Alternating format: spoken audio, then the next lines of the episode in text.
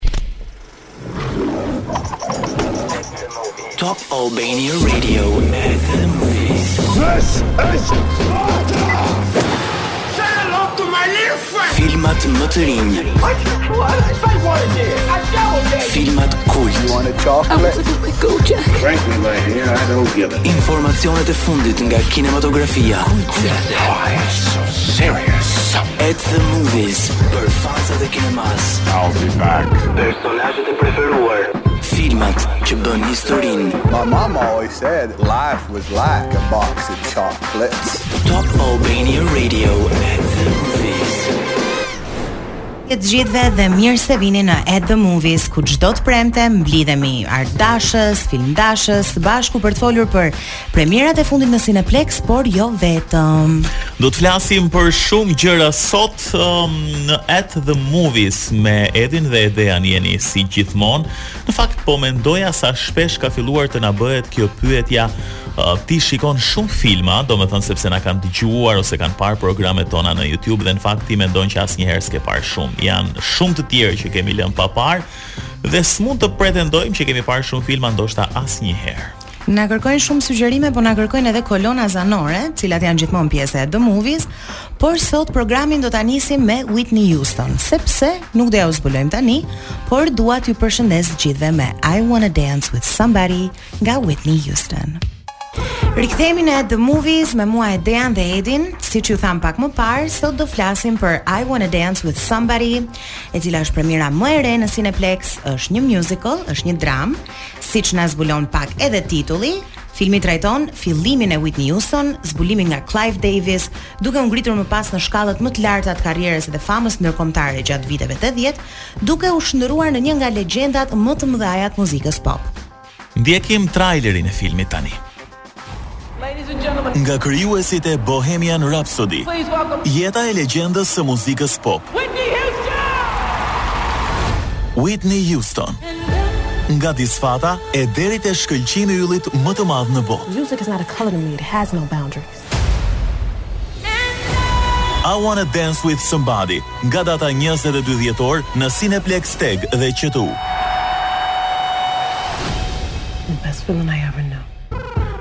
Në rolin e Houston vjen aktorja Naomi Ackie, Stanley Tucci si Clive Davis dhe Ashton Summer si Bobby Brown, bashkëshorti i Whitney-t.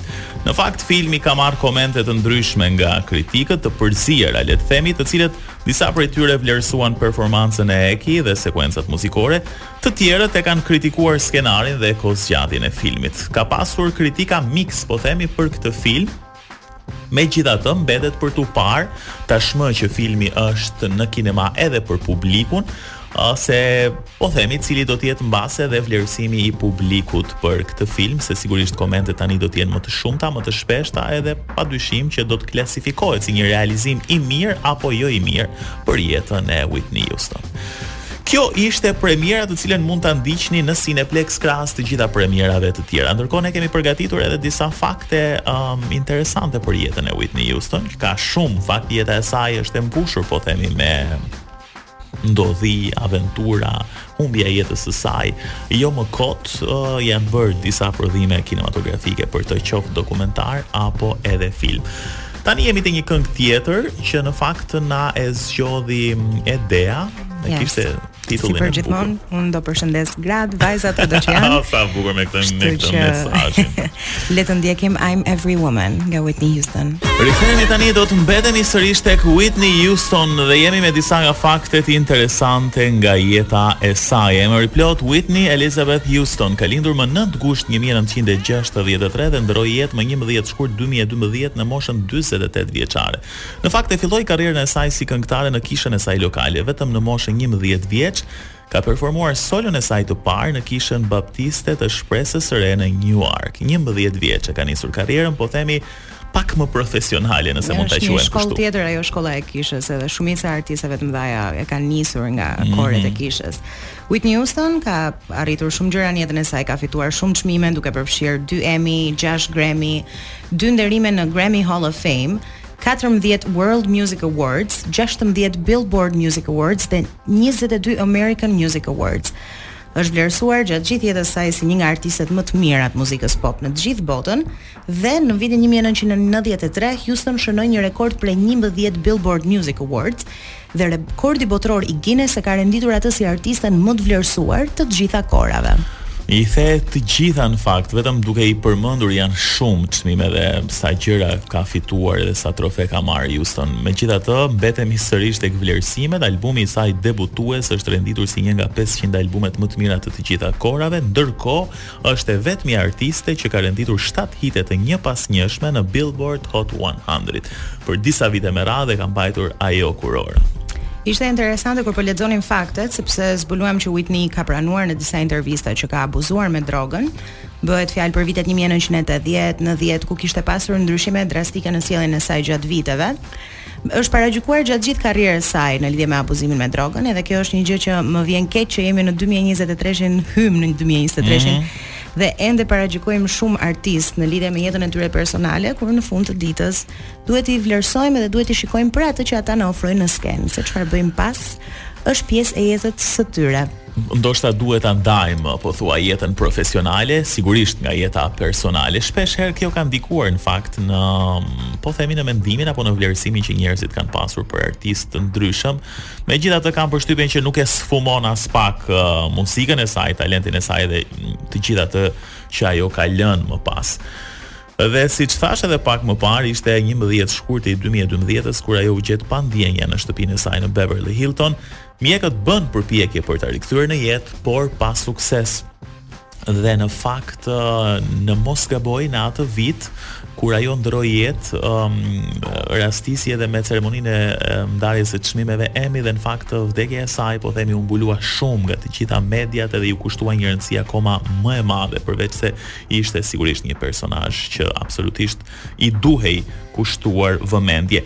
Mbetet kompleks si personazh, ama na ka lënë shumë trashëgimi nga muzika e saj edhe padyshim që çmimet uh, edhe të gjitha gjërat që ajo ka arritur në muzikë tashmë besoj që janë gdhendur edhe nuk mund të zhduken më nga bota e artit.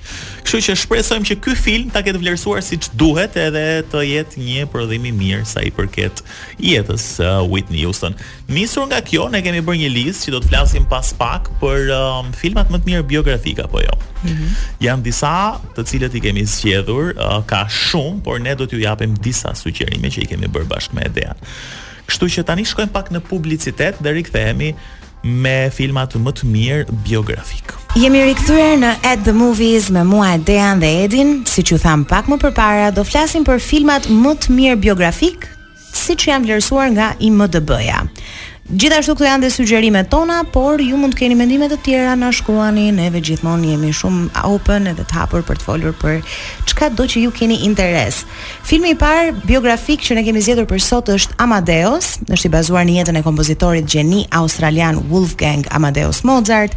Filmi fokusohet tek sfidat personale, të cilat e shoqëruan artistin gjatë gjithë jetës së tij, duke filluar nga abuzimi me alkoolin, problemet martesore, problemet profesionale.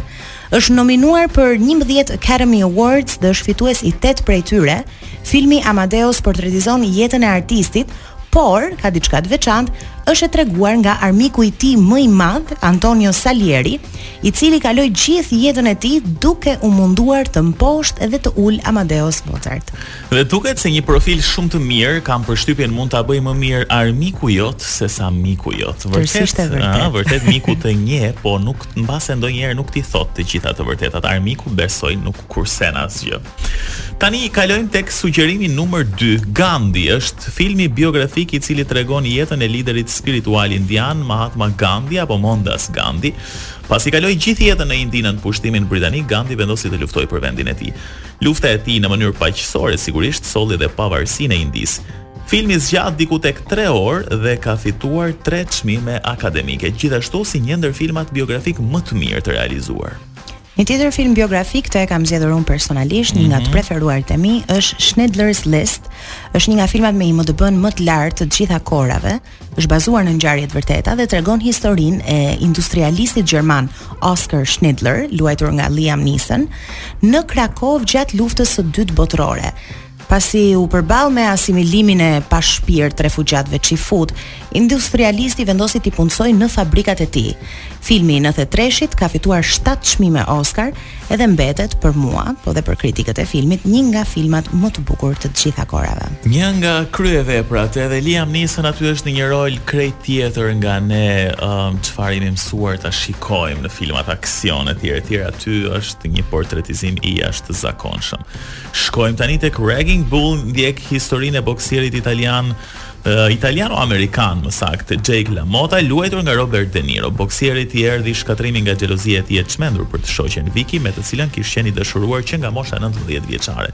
Përshkruar si një nga punët më të mira të regjisorit Martin Scorsese, si dhe një nga performancat më të mira të De Niros, një bashkëpunim fantastik mes tyre. Edhe një tjetër performancë fantastike e De Niros është edhe roli i Jimit në filmin biografik Goodfellas. Mm. Filmi ndjek historinë e mafiozit Henry Hill, luajtur nga Ray Liotta, i cili gjatë jetës së ashpër dhe përfshirjes në botën e pashpirt të krimit, fillon të humbasë moralin, humbet dhe veten, teksa përballet me atë varësinë ndaj drogës, gjë që e bën të humbasë paratë, jetën luksoze, respektin për veten, familjen dhe mbi të gjitha në fund dinjitetin. Super film Ray Liotta, i cili ndërroi jetë pak kohë më parë, gjithashtu um, një ndër rolet e tij më të mira tek Goodfellas. Shkojmë tani tek një tjetër i cili ka shërbyer do të thoja ky film për shumë njerëz të cilët kanë shumë qejf artin e të folurit bukur. Titullohet The King's Speech apo Fjalimi i Mbretit, një dramë historike e cila ndjek jetën e Princ Albert gjatë periudhës kur do të kurorëzohej si mbreti George i 6. Në fakt mbretëresha Elizabeta e parë Pasi kuptoi se burri i saj kishte vështirësi në të folur dhe sidomos për të folur në publik, vendos të punësojë një terapist australian, Lionel Logue, i cili e ndihmon mbretin të mbajë një fjalim të shkëlqyer në radio. Fituesi i shtatëdhjetë nga njëqind e tetëdhjetë e pesë nominime, King's Speech ka fituar katër çmime akademike, shtatë BAFTA dhe një Golden Globe dhe është një film i jashtëzakonshëm për të mësuar si të komunikosh edhe mbi artin e të folurit. Është i jashtëzakonshëm. Kemi një, kemi edhe një të fundit tani dhe do e mbyllim. Okej. Okay. Filmi i fundit për të cilin ne duam të flasim tani është Bohemian Rhapsody, është mhm një film biografik i 2018-s me regji të Bryan Singer. Këta janë gjithashtu krijuesit e filmit Whitney Houston për cilin ju folëm pak më përpara, por Bohemian Rhapsody ndjek jetën e vokalistit legjendar të grupit Queen, Freddie Mercury luajtur nga Rami Malek. Filmi është i bazuar në histori të vërteta, pasi këshilltarët e regjisorit kanë qenë pikërisht Brian May dhe Roger Taylor, të cilët janë pjesëtarë të grupit Queen. Përveç se fitoi katër Academy Awards, filmi Bohemian Rhapsody nga një buxhet prej 50 milionë dollarësh fitoi 910 milionë dollarë. Ju rikujtoj sërish që krijuesit e Bohemian Rhapsody sapo kanë lançuar filmin e tyre më të ri biografik I Wanna Dance with Somebody, të cilin mund ta shihni në Cineplexx që sot. Dhe sigurisht nuk është një fakt që duhet mënjanuar që um, prodhimi i tyre Bohemian Rhapsody ishte aq i suksesshëm, do të thotë që kur filmi është në duart e këtyre producentëve, padyshim që do të jetë një punë e mirë dhe kështu shpresojmë edhe për I Wanna Dance with Somebody. Shkojmë tani Me Bohemian Rhapsody nga Queen. Top Albania Radio at the movies. Rikthehemi në The Movies për t'ju rikujtuar se duhet të vraponi për në Cineplexx TEG ose Cineplexx QTU për të parë premierën I Wanna Dance with Somebody sa më shpejt të jetë e mundur mos e humni. Përveç premierave të tjera sigurisht që i keni aty është Avatar i cili gjithashtu po bën namin, vazhdon të shihet shumë, gjithashtu me një miks kritikash. Ndërkohë kemi dhe fituesin e kuicit të javës që po lëmë pas dhe është Brigita Hamzaj. Brigita, Brigita, më si t'i themi Brigita, më mirë po ia lëmë kështu si ti do. Rëndësi ka që ka fituar dy bileta falas për në Cineplexx që mund vijë t'i marri këtu tek Arena. Dhe do të shohi filmin e saj të preferuar. Ndërkohë për pak keni dhe kuicin e ri në faqen e Top Albania Radios në Instagram, aty ku mund të komentoni për shprehjen e filmit pa zë që ju duhet ta gjeni nga një film ose serial. Jemi në fund programit, faleminderit që qëndruat me ne, shpresojmë t'ju kenë pëlqyer dhe të na keni dëgjuar sadopak me sugjerimet tona. Bashkë do të jemi sërish të premten e ardhshme. Kalofshi bukur. Fundjavë të bukur.